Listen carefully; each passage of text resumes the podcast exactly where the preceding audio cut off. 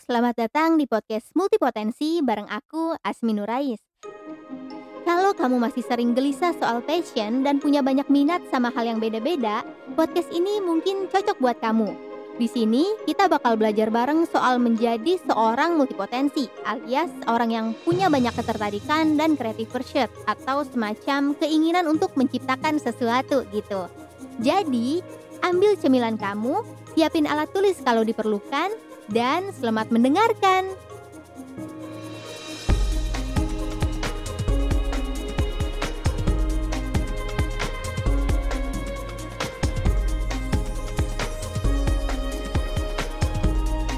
Assalamualaikum warahmatullahi wabarakatuh. Selamat datang kembali di podcast Multipotensi bareng aku Asmi dan kali ini aku sama uh, seorang teman. Jadi sebenarnya teman satu jurusan kuliah dan kebetulan sama-sama multipotentialite yang punya banyak hal yang seneng banget dilakuin dan kita nih sesama fan girl pertailanan, perkoreaan gitu ya. Namanya uh, Raisa, tapi enak dipanggil Ica. Halo Ica. Hai Asmi. Jadi Ica ini ya teman-teman, dia tuh uh, salah satu temanku yang pekerjaan dari pertamanya itu nggak sesuai sama jurusan kuliah dan uh, kalau misalnya teman-teman hmm. sempat senang main filter IG, kemarin filter buatan Ica tuh sempat nge-booming yang ini loh yang enak banget mau meninggal yuyur yang itu. Nah, kalau saya pernah make mungkin inilah Ica orangnya begitu. Dan sekarang kita mau bahas temanya adalah hmm, melewati masa quarter life masih bingung sudah biasa itu temanya. Jadi aku sama Ica nih sama-sama dua dua lima ya apa apa iya? Ya nggak sih? Kita sama iya. ya kita iya. sama dua lima. Masih masih dua lima. Alhamdulillah sudah memasuki dua lima tahun. Yang kata orang sih katanya uh, lagi masa-masanya quarter life crisis gitu kan mempertanyakan segala hal. Tapi uniknya Ica ini salah satu teman yang yang kelihatannya bisa have fun gitu. Gimana ya aku ngejelasinnya, Cak. Jadi aku ini kangen gitu sama masa-masa di mana uh, aku sama teman-teman tuh gampang banget hahihi, gampang gegeloan, gampang gogoblogan, tapi sekarang tuh kayak ngelihat teman-teman tuh uh, entah ya entah di medsosnya atau cuman pengamatanku doang, tapi kayak lebih sering gloomy-nya daripada senangnya. Sementara kalau Ica tuh salah satu yang mau express yourself, mau nyanyi, oke, okay, mau bikin ini oke okay, gitu. Jadi kayak kita satu tipe gitu loh, Cak. Ngerti nggak hmm, maksud aku?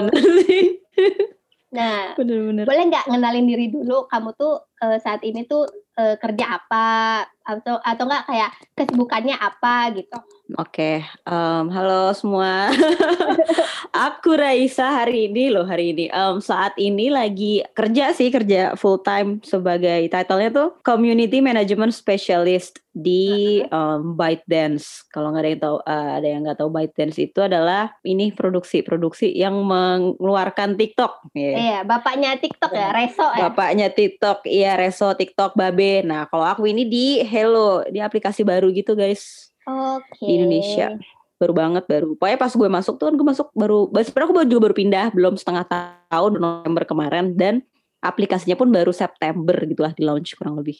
Oke okay. kalau sebelum di ByteDance di mana cakrnya sebelum di ByteDance mana aja? uh, sebelum ByteDance aku adalah kreatif konten kreatif di uh, narasi. Terus itu selama hampir dua tahun san. Sebelumnya um, sebelumnya apa ya oh ya communication digital marketing di um, sebuah brand agency-nya pribadinya seorang selebritis lah selebriti okay. selebriti Indonesia. Oke oke okay, tahu tahu tahu cuman ya nggak usah disebut lah ya. Iya iya. Nah uh, kalau boleh tahu nih, Ica kan kita sama-sama jurnalistik kan dulunya. Hmm, hmm. Apa apa pernah kepikiran kenapa nggak kerja di yang berhubungan dengan jurnalistik gitu? Jadi tuh sebenarnya waktu kuliah tuh udah mulai mungkin tahun ke pertama, tahun kedua tuh masih tuh masih kayak kerja di media sih, maksudnya uh, as a jurnalis ya gitu. Walaupun kan aku juga di narasi. Uh, kayaknya tahun ketiga, tahun keempat setelah mulai aktif Uh, kita kan aktif di organisasi juga ya waktu kuliah hmm, hmm. dan itu tuh nggak yang jurnalis-jurnalis amat gitu masih. Kayak misalnya aku di KMF uh, eh, KMF komunitas musik Vkom nah itu kan ngurusin media. Cuman kan nggak nulis banget jurnalis banget juga enggak karena juga ngurusin medsos digital marketing gitu.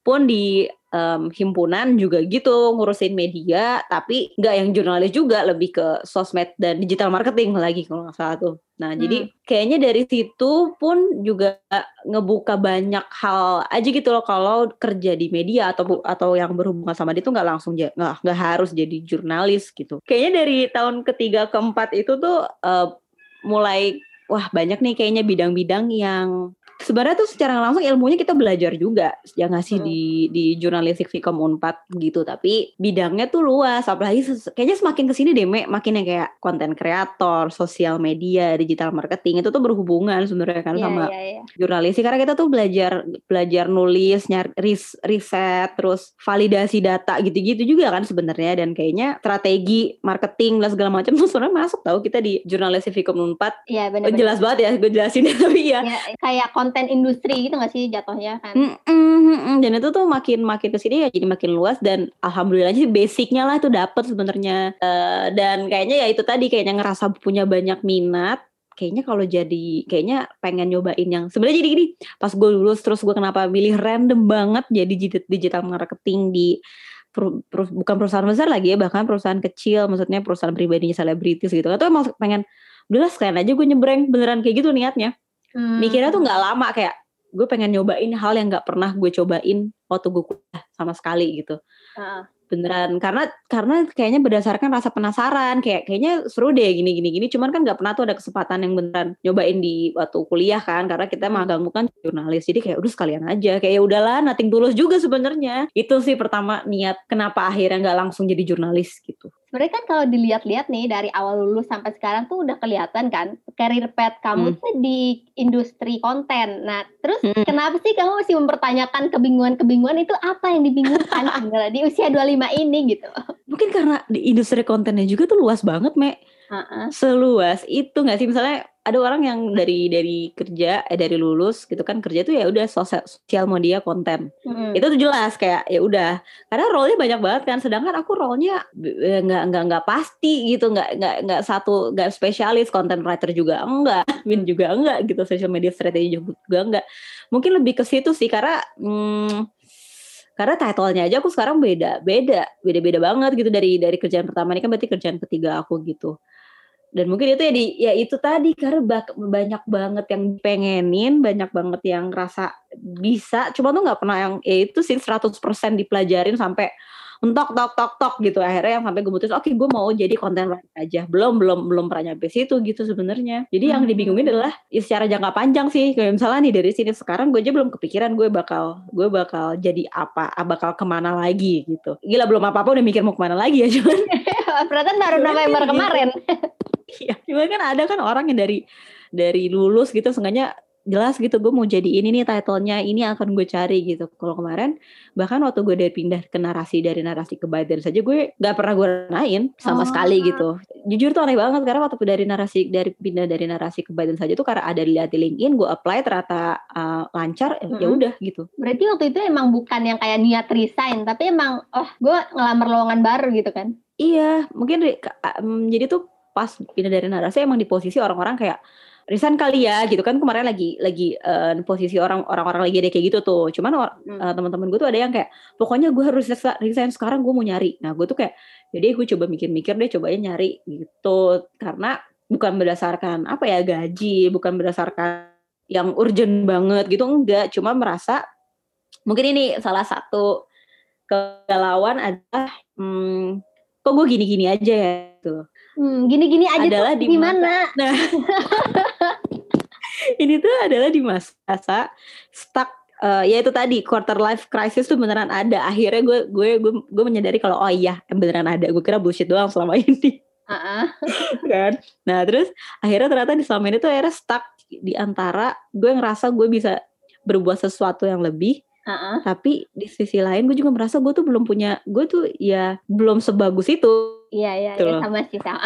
belum semampu itu. Jadi kayak aduh gitu kan. Jadi nggak ada yang fulfilling, nggak ada yang fulfilling benar karena waktu kalau di narasi itu jujur aja gue diberikan banyak banget kesempatan untuk berkarya gitu kan. Heeh. Tapi secara pribadi gue tahu gue lack of banyak hal gitu. Mm-mm. Secara profesional apalagi. Eh, yang makanya gue rasa kayaknya gue takut tiba-tiba gue di umur 25, maksudnya du- 25 ya relatif tua atau muda gue gak ngerti ya. Cuman gue ngerasa dalam hidup di secara profesionalitas yang harusnya gue bisa mungkin bisa ngebantu gue untuk tahu ini jalan gue, ini diri gue, apa pun itu gitu kan maksudnya. Dan kayaknya kalau terlalu nyaman gitu tuh gue takutnya tiba-tiba gue udah umur 35 aja terus gue baru kayak "Eh, kayaknya gue harus belajar hal lain deh gitu kan. Jadi emang em, berkembang secara pribadi aja sih untuk hal yang gue tahu tuh kekurangan gue. Kayak misalnya eh, apa ya mungkin karena kita orang yang nyobain banyak hal ngelakuin banyak hal kadang-kadang jadi nggak ter kalau gue pribadi mungkin kalau kalau Asmi tuh enggak deh kalau aku lihatnya kalau gue tuh kurang ter terorganisir aja sih sebenarnya Hmm, gitu loh oke, kurang oke, rapi dalam secara kerjaan ya secara profesionalitas gitu Iya, soalnya aku juga waktu itu sempet ya mempertanyakan kok aku gini-gini aja ya. Maksudnya ternyata definisi gini-gini aja tuh bisa aku jabarkan gitu loh. Kayak saya pertama penghasilan. Kayak aku aku Hmm. berhak mendapat lebih gitu. Berarti begini aja Hmm. penghasilan. Kedua, Hmm. eh, cara nyari duit gini-gini aja tuh waktu itu aku mikirnya oh gue bisa loh ternyata nyari duit pakai jalur yang ini gitu sementara ya mungkin Hmm. jalur utama gue yang ini gitu tapi masih bisa nyari katakanlah side hustling yang ini gitu cuman si yang side utamanya yang si job utamanya ini harus mencapai penghasilan yang gue pengen segini gitu itu kali ya maksudnya kalau Hmm. gue mengukur gini-gini aja tuh dari hal-hal yang terukur gitu cak kalau kalau kamu mungkin Hmm. apa gitu? Apakah ingin menjadikan sesuatu sebagai sesuatu yang menghasilkan atau ingin apa gitu? Udah nemu itunya atau belum? sebenarnya belum loh sampai sekarang tapi mungkin lebih ke Oke.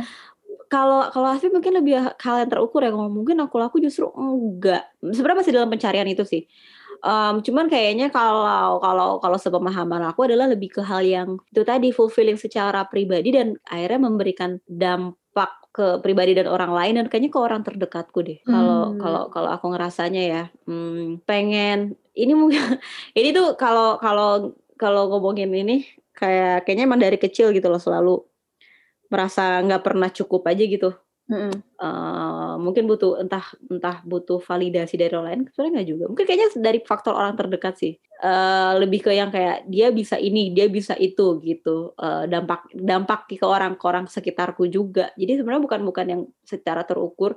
Mungkin itu juga salah satu contohnya kayak misalnya kalau ya ya nggak terus aku menghasilkan gitu kayak bisa membantu orang lain gitu. Tapi em, apa ya kayaknya lebih dari itu sih eh, Hmm. lebih ke dampak dari apa yang aku kerjakan Oke. Aja. berarti katakanlah misal suatu hari eh, kamu bikin sesuatu atau enggak eh, mengerjakan sesuatu dan sesuatu itu ternyata ngasih dampak bagi eh, orang terdekat sama orang banyak, itu Hmm. akan itu yang fulfilling gitu ya. Maksudnya itu nggak tahu apa Iya. itu, itu yang akan jadi Mm-mm, fulfilling. kayaknya. Oke. Nah, kayaknya untuk untuk gini loh, untuk ini jadi ini ya sebenarnya cuman eh, mungkin lebih ke validasi orang terdekat anggaplah keluarga. Cuma untuk Hmm. ngomong kayak lo keren gitu loh, kayak Ica Ica jadi orang yang bisa banget ngelakuin ini dan bagus di bidangnya. Walaupun sebenarnya orang tuaku juga sering gitu kayak kan kamu bisa ini, kamu bisa itu gitu. Cuman ya tahu mungkin emang karena akunya aja pengen lebih kali ya.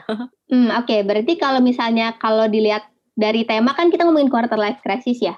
Jadi Hmm. di umur ini, maksudnya sekarang kita menginjak 25 ini sedikit ada pressure nggak? Atau justru banyak? Atau justru nggak ada? Pressure pasti ada sih. Karena mungkin dulu nih pas masih kecil, pas masih kecil anggaplah SMP, SMA gitu ya. Heeh. eh, kita lihat umur 25, kebayang gak sih kehidupan ideal yang udah tahu nih kerjaan jadi apa, mungkin terus udah nemuin pasangan hidup, udah saatnya beranjak mau menikah atau punya anak. Ya maksudnya sekarang kita aja lihat teman-teman kita yang kayak gitu lumayan banyak kan lagi musim banget gitu.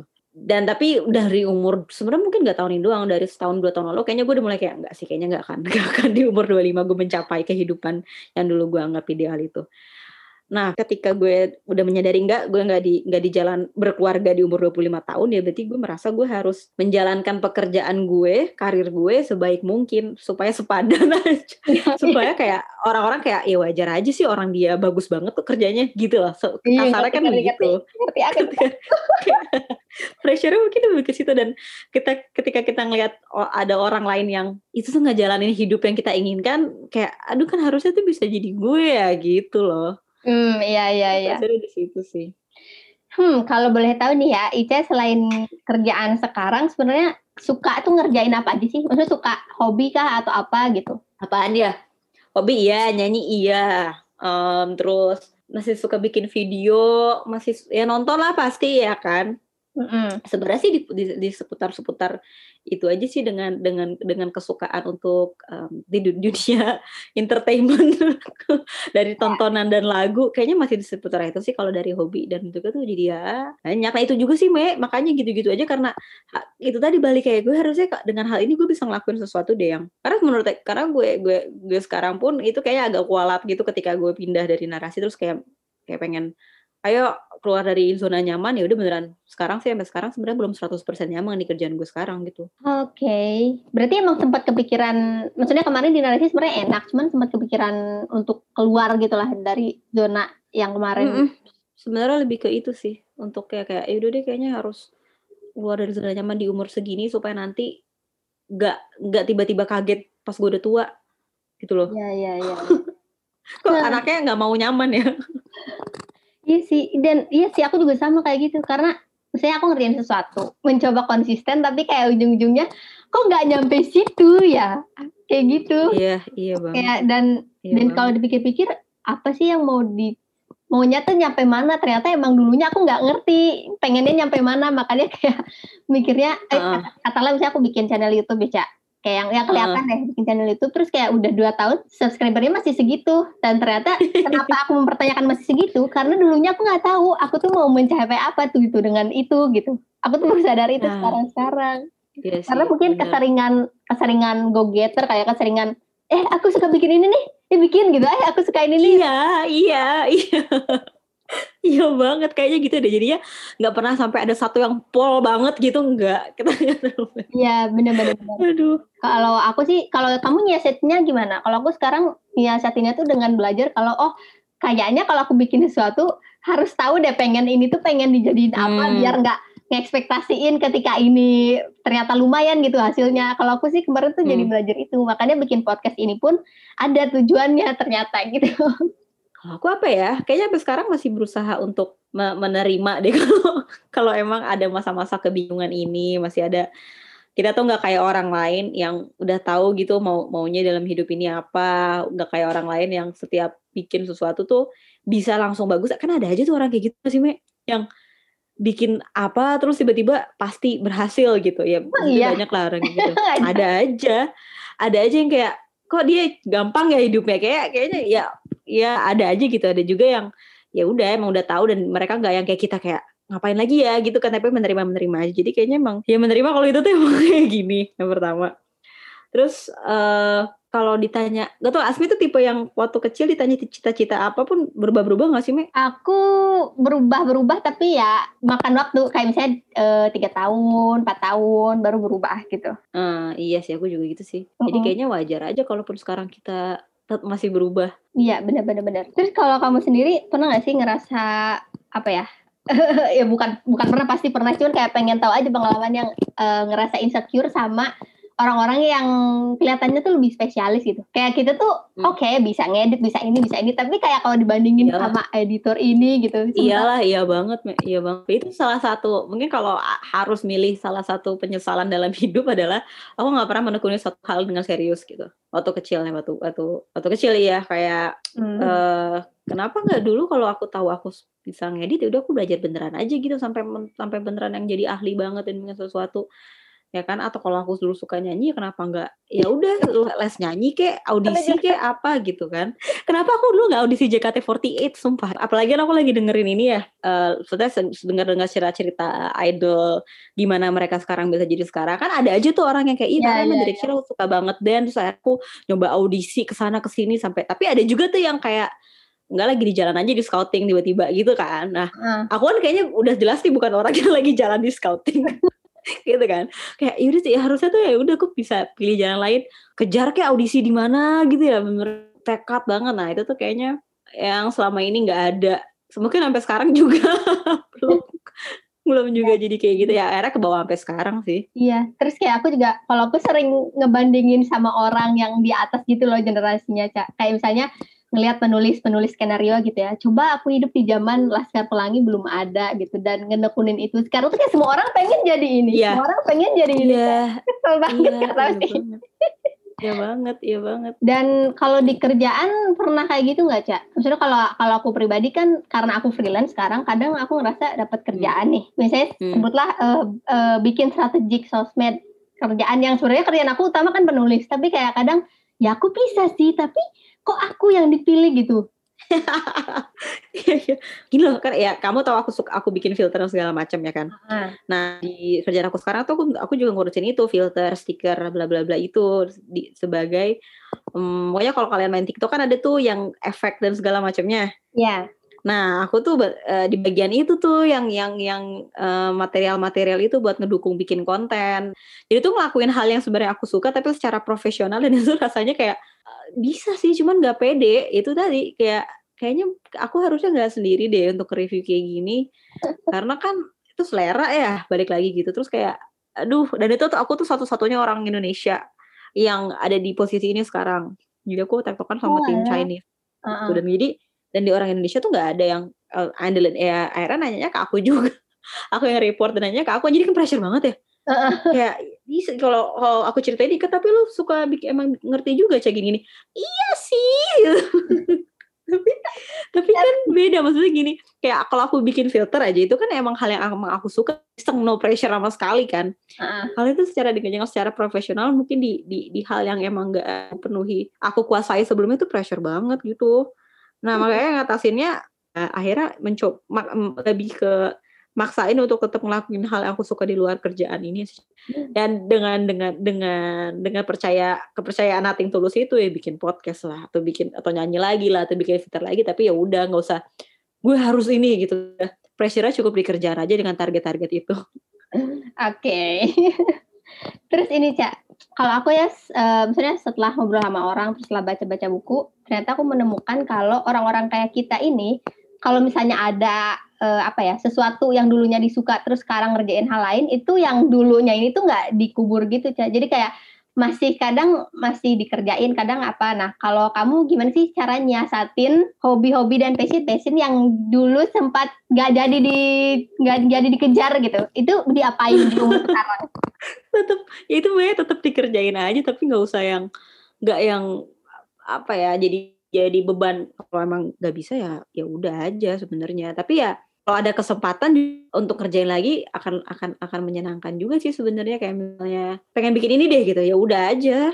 Kayak kayak lebih kayak ya udahlah ya udahin aja di tanpa tanpa harus mikirin ini harus dikemanain. Harusnya hal yang menyenangkan dan yang kita suka dan yang kita bisa harusnya nggak usah dibuat sesu pressure itu sih menurutku. Iya iya, aku juga ngerasa gitu sih. Misalnya kayak ya ternyata butuh loh ngerjain sesuatu yang disuka tapi nggak buat apa-apa gitu. iya iya banget iya Kayak soalnya kan kadang aku kalau aku yang waktu masih kuliah mungkin kayak semacam ada pressure menjadikan apa yang disuka tuh jadi kayak oke ngasilin duit gitu. Jadi nanti rasanya tuh nggak Hmm. kerja gitu. Ternyata nggak gitu cara Hmm. kerjanya. Mm-mm. Iya, iya banget. Dan itu sampai sekarang aku suka suka kepikiran itu sih. Seenggaknya tuh pengen, mungkin sekarang sekarang jadi mikir gini, seenggaknya pengen ng- ngelakuin sesuatu menghasilkan. Tapi pas hari Minggu malam itu tuh nggak nggak nggak suntuk gitu aja. Nggak mungkin nggak harus hal yang gue nggak harus harus hal yang gue suka banget gitu kan apa kayak gitu nggak usah seenggaknya gue bisa nggak ya ngelakuin sesuatu yang bisa bikin minggu malam gue tuh nggak karena pressure kali ya pressure itu tadi eh, ngerasa belum pede di tempat sekarang ngerasa ini bukan hal yang biasa gue kerjakan jadi ya gue sering sering banget anxious. Gue juga ada kan teman-teman gue yang kayak gini yang di usia segini adalah sebelumnya tuh kita nggak pernah tuh maksudnya segininya yang kayak kerja mah ya udah stres stres tapi saat itu aja misalnya kita stres jam 1 sampai jam 3 gitu ini capek banget. Tapi pas malam biasa aja. Kalau sekarang tuh di titik bisa bisa yang anxious banget tiap pagi tiap malam. Aduh capek itu bisa yang beneran capek dan gue rasa nggak semua orang ngerti posisi kita yang ngerasain ini gitu. Cuman ternyata gue tahu gue nggak sendirian. Dan kayaknya wajar eh, memang di usia inilah kita lagi mempertanyakan apa sih yang dicari apakah ini yang kita mau. Kayaknya emang justru bagus ya mempertanyakan hal ini di di, di usia segini ya justru. Iya. berarti kan kita juga emang pengen jadi yang lebih menjadi orang lebih baik gitu kan. Maksudnya pengen pengen tetap berkembang pengen tetap growing gitu. Dibanding menerima apa yang ada aja. Benar-benar. Berarti kalau misalnya ditarik kesimpulan, kamu udah uh, berdamai atau belum dengan keadaan penuh pertanyaan ini? sebenarnya kalau berdamai dengan keadaan hidup tuh eh, apa ya ini bakal banyak pertanyaan. Sebenarnya gue bisa bilang udah. Maksudnya gue udah menerima kalau gue tuh emang akan adalah tipe yang akan terus bertanya-tanya dengan kehidupan ini. Sengaja untuk sekarang gitu ya. Uh, mungkin kalau bisa juga jawab enggak karena gue belum menemukan jawabannya. Okay. gue belum bisa menemukan jawaban yang kayak uh, misalnya maksudnya ya gue belum bisa menemukan jawaban dari segala pertanyaan ini. Misalnya gue nanya kenapa ya? Gue mau apa ya? Gitu. Saya gue menjawab lo nggak harus jadi apa apa nggak gue belum bisa menjawab. Okay. gue nggak belum bisa jawab ngomong sama diri gue sendiri lo nggak apa apa kayak gini karena emang gak ada kan jawabannya nggak apa apa tapi gue bisa bilang gue berdamai kalau gue akan terus bertanya-tanya sekarang ini. Hmm, hmm. Iya iya iya. Berarti emang uh, kamu ada bayangan gak sih mungkin nanti akan ada pertanyaan baru akan ada pertanyaan hmm. baru lagi gitu menurutku sih aku akan seperti itu sih okay. dan masalahnya aku tuh secara pengalaman dari SMP seenggaknya pernah aku yang aku inget uh, aku tuh nggak nggak pernah yang berjalannya aku either itu misalnya cita-cita uh, masuk SMA yang dipengen masuk uh, kampus yang dipengen tuh nggak pernah sesuai dengan apa yang aku harapkan awalnya okay. itu makanya jadi kayak ah kayaknya emang emang akan jadi orang yang seperti ini deh gitu Oke, okay. ini uh, terakhir terakhir pesan buat hmm. uh, mereka yang belum memasuki usia 25 nih tapi kayak udah merasa kuclik-kuclik pertanyaan dan kebingungan gitu. Mungkin uh, dari orang yang sudah 25 sebenarnya bukan karena merasa tua sih, tapi kayak merasa mungkin menuju perdamaian, menuju perdamaian. Hmm. udah udah lebih bisa berdamai lah gitu.